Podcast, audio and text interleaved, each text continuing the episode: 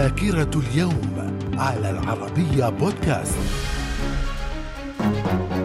أهلا بكم إلى ذاكرة اليوم التاسع من سبتمبر ففي العام 914 دخول القائد ذكا الأعور مصر على رأس جيش بعثة الخليفة العباسي ليطرد الفاطميين عن مصر حيث تطلعوا للسيطرة عليها بعد بلاد المغرب العربي. في العام 1493 معركة كربافا التي انتصر العثمانيون فيها انتصارا ساحقا على الكروات. من الذاكرة. ومن ذاكرة التاسع من سبتمبر في العام 1791 إطلاق اسم الرئيس جورج واشنطن رسميا على العاصمة الأمريكية. في العام 1827 الأسطول المصري بقيادة إبراهيم باشا يصل إلى ميناء نافارين باليونان. وفي العام 1940 الطائرات الحربية الإيطالية تقصف مستعمرة تل أبيب اليهودية في فلسطين إبان الحرب العالمية العالمية الثانية وتقتل 117 شخصا.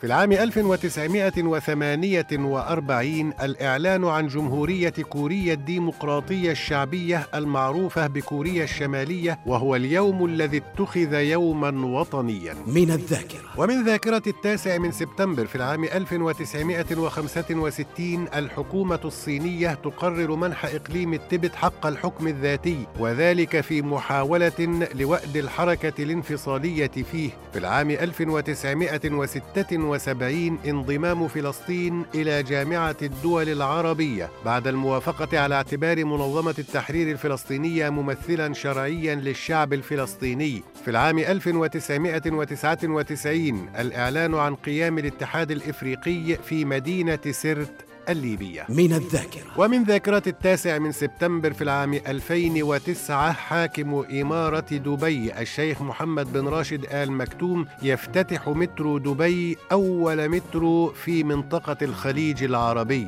وفي العام 2015 الملكة إليزابيث الثانية تحطم رقما قياسيا في اعتلاء عرش بريطانيا وذلك لمدة 63 سنة وسبعة أشهر وثلاثة أيام. من الذاكرة. ومن مواليد اليوم التاسع من سبتمبر في العام 1828 ليو تولستوي أديب روسي وفي العام 1960 هيو جرانت ممثل بريطاني. ومن وفيات التاسع من سبتمبر في العام 1976 ماو تسي تونغ زعيم الحزب الشيوعي الصيني. من الذاكرة. إلى اللقاء.